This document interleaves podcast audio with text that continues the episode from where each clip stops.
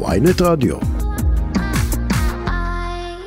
אנחנו בשדרות עם אביחי בקרמן, פעיל חברתי, לומד אה, בישיבה שם, תושב המקום, שלום. בוקר טוב. בוקר טוב אביחי, איזה לילה עבר עליך?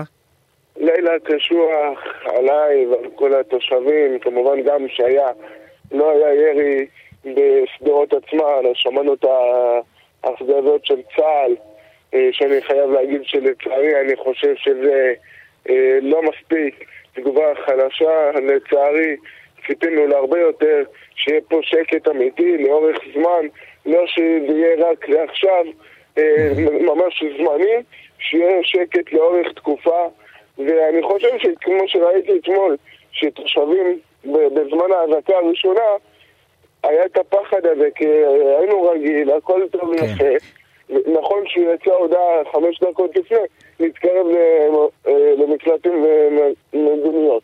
רגע, תן, לא לי, תן לי את החוויה שלך ממה שקרה אתמול בצהריים. אתה מקבל, מתי קיבלת את ההודעה על זה שצה"ל קורא להיות אה, סמוך, לשהות סמוך למרחבים מוגנים? בשלוש וחצי בערך, אה, ממש כמה דקות לפני, אני הייתי עם חברה שלי בבית, ומפה לשם למגונית שהייתה אזעקה, אה, היה גם אה, אה, אדון מרמת גן שהגיע, שהיה פה, שנלחץ כמובן, היה עם סיפור חרדה, טיפלתי בו כזה, ובינתיים הגיע האוטובוס שלו, אז דאגתי שיעלה מהר גם לאוטובוס, תוך כדי שאני מטפל להרגיע אותו. רגע, הייתם בבית או שהייתם ברחוב? לא, לא, לא, לא, היינו ברחוב ממש קרוב לתחנה המרכזית, לא המרכזית, כי אין פה מרכזית, פה כן. בשדרות. לשוק של השדרות, והיה את הלחץ של האזעקה, גם תוך כדי שאני בעלה, עוד, אה, אתה יודע, עם האזעקה של כולם, אתה רואה את הסירנות מהר של האמבולנסים שעברו לזירת אה, הירי שנפל, נפילה, אז זה הלחץ והכל. ושוב פעם, אני רוצה אבל לבוא ולזעוק את הזעקה של תושבי שדרות דווקא הבוקר. דווקא הבוקר, למרות ששקט, ויש הפסקת אש שמעתי, וראיתי, זה לא מספיק. כי תושבי שדרות והעוטף וכל הדרום בכלל, מבקש, בפרט העוטף, מבקשים להמשיך את זה ולתת מכה כואבת וקשה לחמאס ולג'יהאד, ולא מסתפקים במה שהיה, כי אנחנו רוצים שקט לאורך זמן. לא לאורך של שבוע, שבוע זה יחזור על טפטוף ועוד הסלמה ועוד הסלמה. לא. רוצים לאורך זמן, כי הגיע הזמן לתת מכה קשה לאויבים שלנו.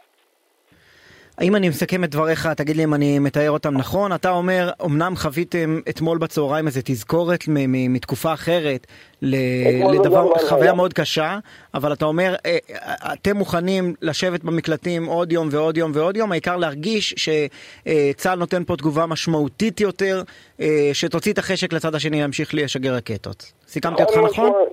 חד משמעית, גם אתה נכון, אבל שוב פעם אני רוצה את הנקודה, שוב פעם, מאוד חשובה. האויב הוא זה שמרתיע את מדינת ישראל. ונכון שאתם תגידו, והרוב יגידו שאני פעיל חברתי ואני חושב לחברי כנסת והשרים, נכון. ואתם תגידו לי, אתה יכול להפעיל עליהם, אתה איתם בכנסת, אתה זה, אתה יכול להפעיל עליהם לחץ. נכון, אז אני אומר לאותם אנשים, נכון, אני יכול להפעיל לחץ עליהם. אנחנו מדברים על זה, אבל זה עדיין לא אומר שאני לא מתוסכל מהתגובה שהחליטו. תגיד, במובן הזה, במובן הזה יש הבדל אתה מרגיש אותו ביחס לממשלה הקודמת? אני לא רוצה להגיד מה אני חושב על אה, התגובות שהיום בממשלה הקודמת, אני רוצה להגיד שזה לא משנה.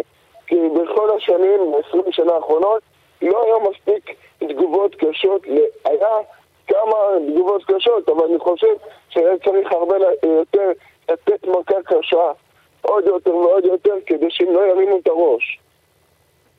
ואין מי שמרתיע את מדינת ישראל בזמן האחרון, וזה הבעיה.